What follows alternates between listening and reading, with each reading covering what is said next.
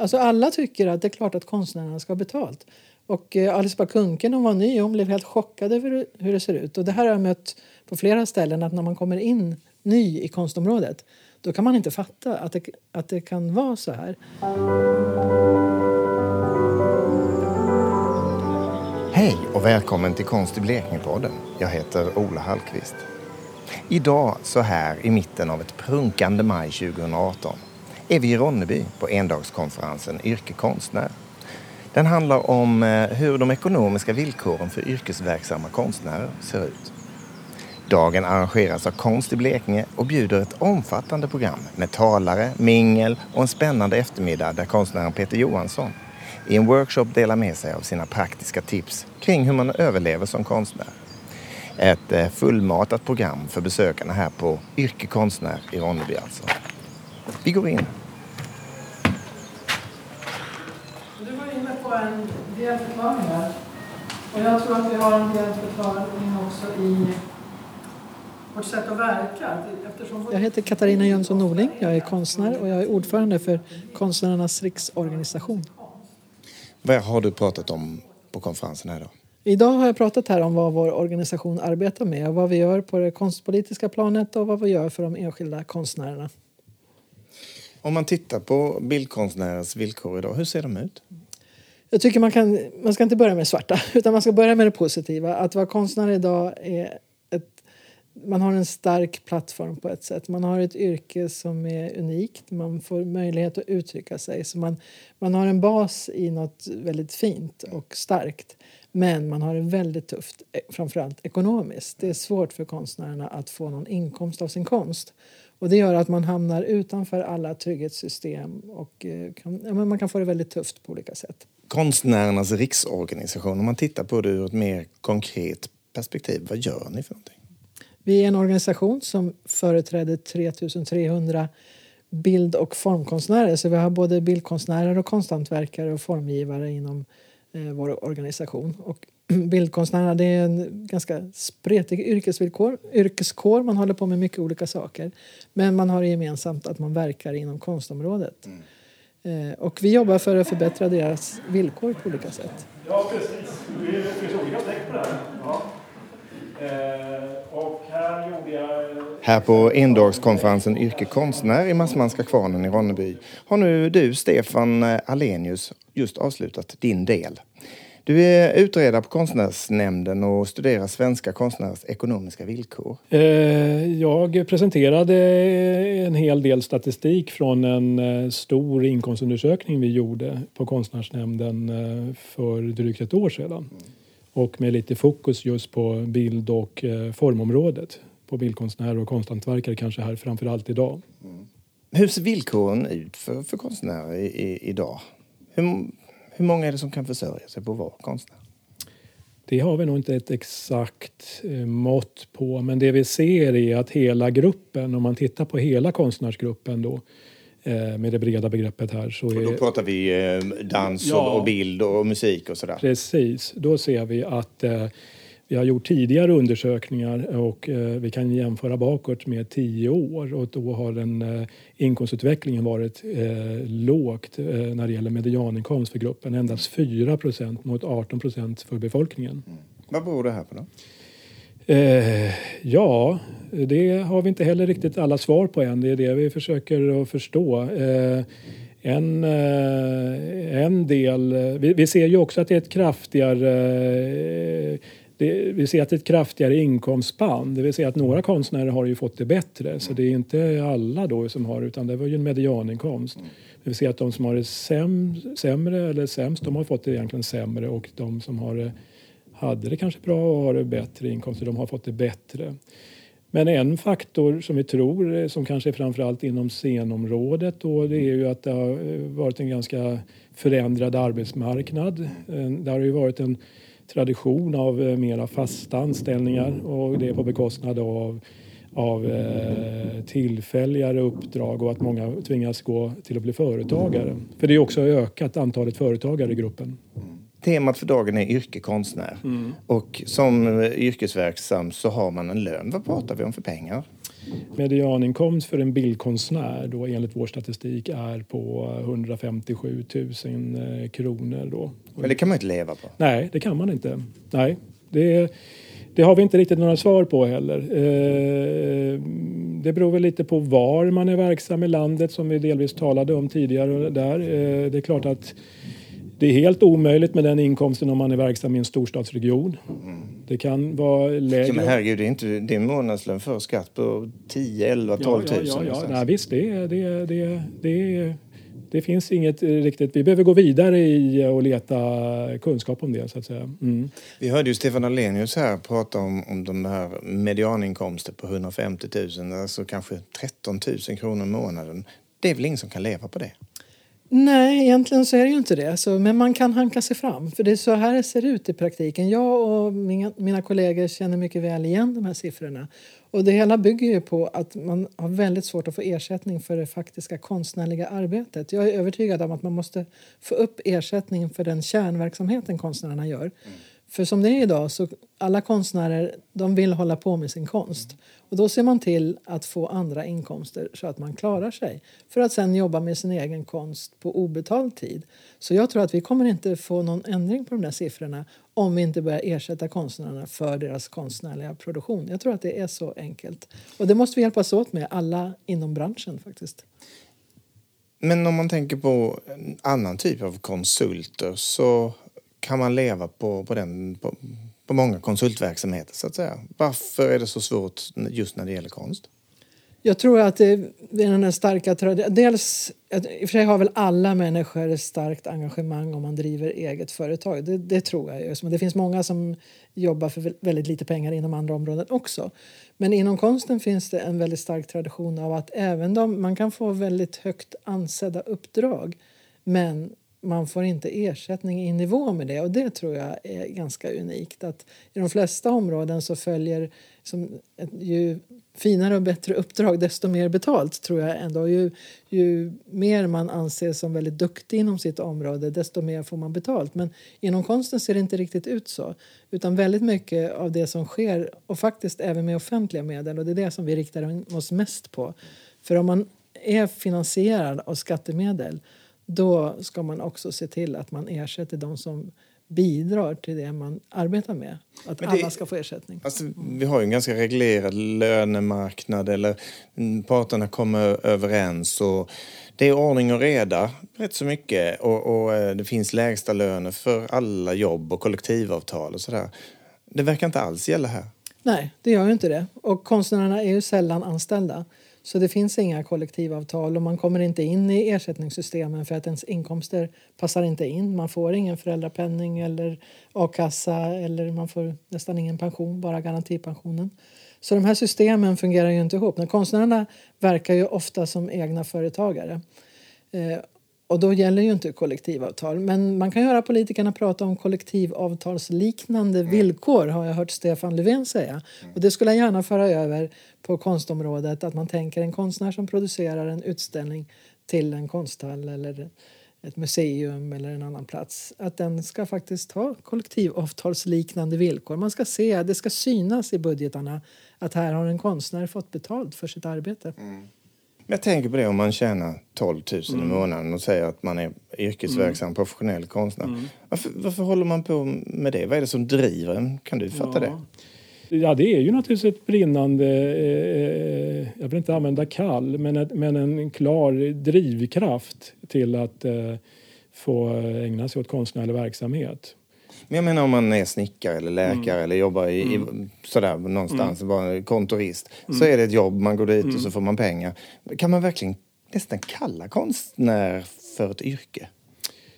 Ja, jag tycker man kan göra det när man ändå gör vissa såna här jämförande studier. Jag är inte den som hävdar heller att konstnärer eh, ska ha exakt eh, lika bra som andra heller. Eh, de ska inte ha utmärkande dåligt. Jag tycker att det finns alltid en viss eh, eget val i att man då väljer att vara konstnär. Då kan det ju vara så att man får på bekostnad av frihet köpa lite andra sämre ekonomiska förutsättningar också. Ja, då kommer du kanske till kärnan. Man har en otrolig drivkraft. Det ligger så, de som väljer det här yrket de många känner ju nästan att det, det, är det man vill göra i livet. Så man, man vill det till varje pris. Det... Men det finns ju massor med människor som har glödande passioner för, för vad man nu gör utanför jobbet. Kan, man, kan det inte räcka? Jo, för en del gör det. Och man kan väl säga att många tvingas ju göra det på det sättet. Att man man har ett annat yrke. Man kan se, jag tror att tittar man då på de som jobbar även inom byråkratområden här, mm. väldigt många är konstnärer. Så konstnärerna går, och det är ju inte, det är ju jättetrevligt att vi har många konstnärer på våra institutioner som förstår konstnärernas villkor.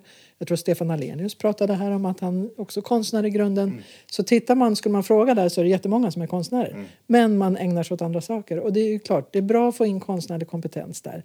Men det behövs tid att utveckla. Vem ska hinna fördjupa sig i sitt konstnärliga arbete. Och jag är övertygad om att det måste påverka den konstnärliga kvaliteten. Vi skulle få mer och bättre, intressantare konst om konstnärerna fick chans att jobba med sin konst, mer, alltså lägga mer tid på sin konst.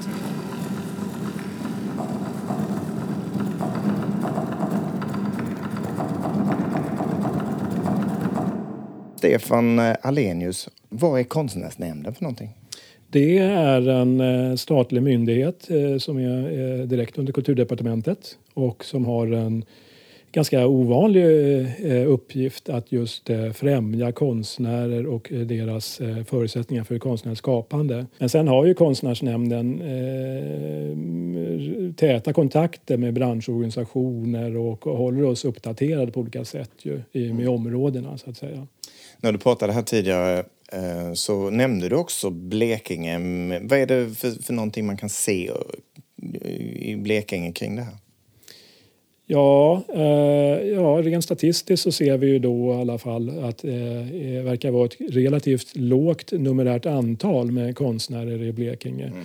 I hela konstnärsgruppen och även inom bild och formområdet så att säga. Mm. Men vad det beror på det vet man inte eller?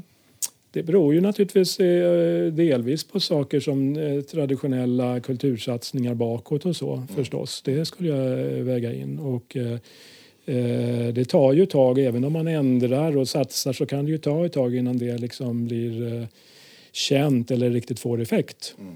Konst i Blekinge är ju en, en, satsning från Region Blekinge och Konst i Blekinge-podden är en del av Konst i Blekinge. Den här konferensen vi är på idag, Yrke konstnär, är också en satsning som görs inom ramen för Konst i Blekinge. Vad betyder den här typen av, av eh, satsningar, så att säga centrala satsningar? Eh, ja, eh, jag tror generellt sett att det är eh, bra. Nu är det, är det jag är ju inte så insatt än vad den här eh, satsningen består i. Nej, men om man, men, tittar, om man tittar generellt ja. på vad så att säga, statliga ja. samhälleliga insatser gör ja. för att främja konst. Ja, men absolut. Det vi säger från vårt håll, från, från eh, staten när vi just för eh, diskussioner med regionala företrädare så eh, är, är det, och det som jag också talade om här tidigare, att det är viktigt att man ser, man identifierar en, en konstnärspopulation Eh, och identifierar eh, behov eh, så att man kanske kan hjälpa med insatser i form av produktionshus, till exempel kollektivverkstäder eller att man identifierar olika föreningar och organisationerna och att man ja, kopplar ihop och understödjer nätverkande. Ser man sådana exempel i Sverige där liksom insatser faktiskt gör skillnad? Ja, det skulle jag säga. Jag, jag är ju en vän av den regionala kultursamverkansmodellen. Jag skulle säga att det har generellt sett utvecklat eh, konstnärsfrågorna. Mm. Från att det inte har funnits med alls i början eh, i Kulturrådets tidigare institutionsbidragsgivning så är det ju idag högt på agendan. Och man har också stärkt upp det från, eh, från regeringen med ytterligare medel till just fria aktörer som på något sätt ligger lite utanför institutionsvärlden. Och då är det ju så att vi ser att eh, eh om man tittar på hela konstnärsgruppen så är det 50 procent som bor i eh, Torun Ekstrand, du är eh, konstutvecklare i Konst i Blekinge som drivs av Region Blekinge. Mm. Den här konferensen, Yrke konstnär, berätta vad är det? Det är en speciell dag för att ge inspiration och tips och råd och kunskap kring hur, hur det ser ut för konstnärerna här i regionen men också rent nationellt och, internationellt också kanske. Och vad vi kan göra för att förbättra det, vad konstnärerna kan göra och vad kommuner och landsting kan göra åt det. Varför satsar Konst i Blekinge på det här? Vi har en ny kulturplan där vi ska särskilt satsa på de yrkesverksamma bildkonstnärernas ekonomi, villkor, förutsättningar och så vidare. Och bild och form är ju en specialsatsning och det är det vi lyfter fram idag. Vad tror du att eh, de som är här idag kommer ha med sig när de går hem ikväll? Och jag hoppas de har mycket matnyttigt, att de får energi, inspiration, nya kontakter och nätverk också. Det är också lika viktigt som allt detta. Men det är bra att ha en bas av kunskap, eller hur? Veta hur det faktiskt ser ut. Att en konstnär tjänar 13 000 i medianlön i Sverige. Mm. Att det är lägre än, än resten av befolkningens medianinkomst. Och Massmanska kvarnen och Ronneby visar sig verkligen från sin bästa sida. Och nu är det lunch. Ja, det är väl härligt att få sån energi också.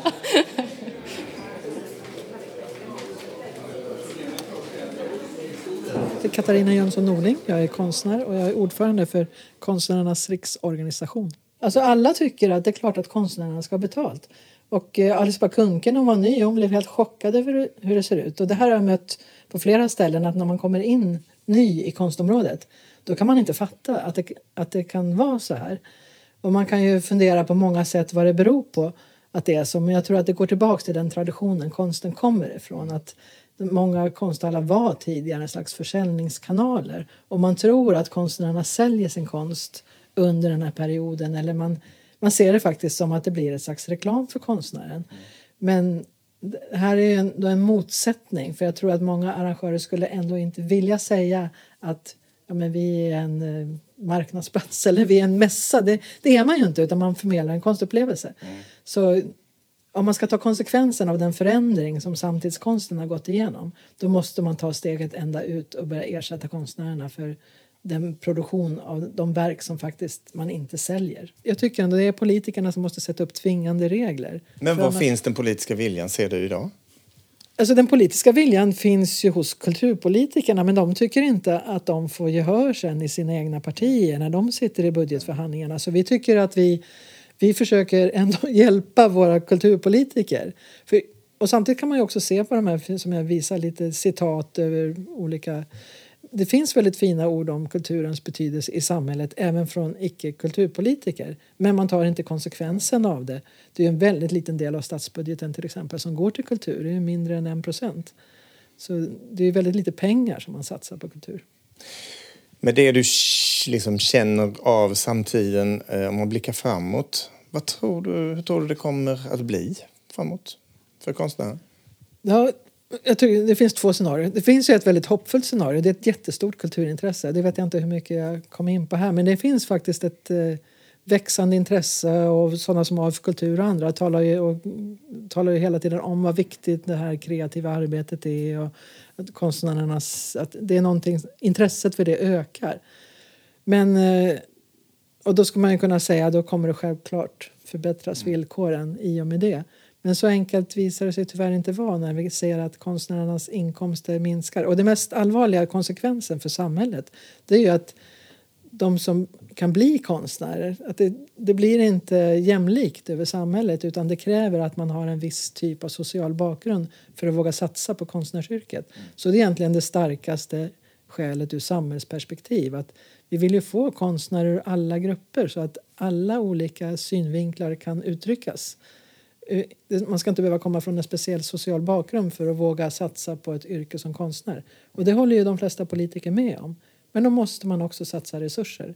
För annars så kommer det fortsätta vara så här. För den här otryggheten i yrket, den, om man inte har någon slags stark bakgrund, även om man inte sponsras med pengar så har man någon slags trygghet kanske att våga satsa på något annat om man kommer från en viss social bakgrund.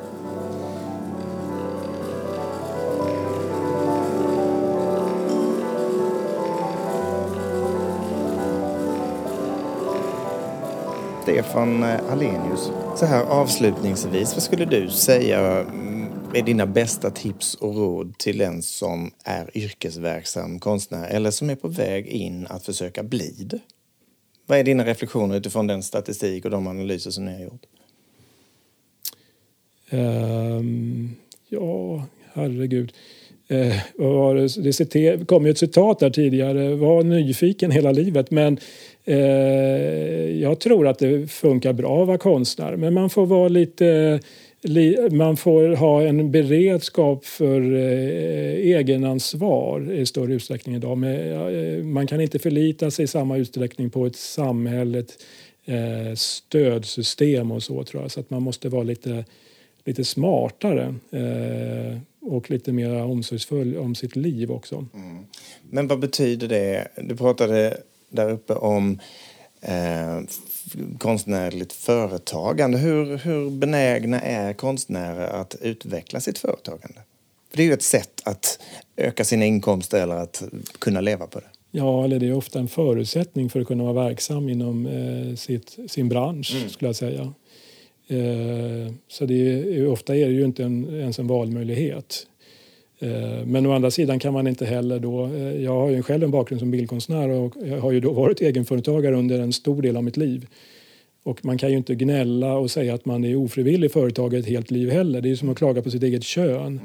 Mm. Det blir ju fruktlöst i längden om man inte gör en, en mer allvarlig operation då, då så att säga.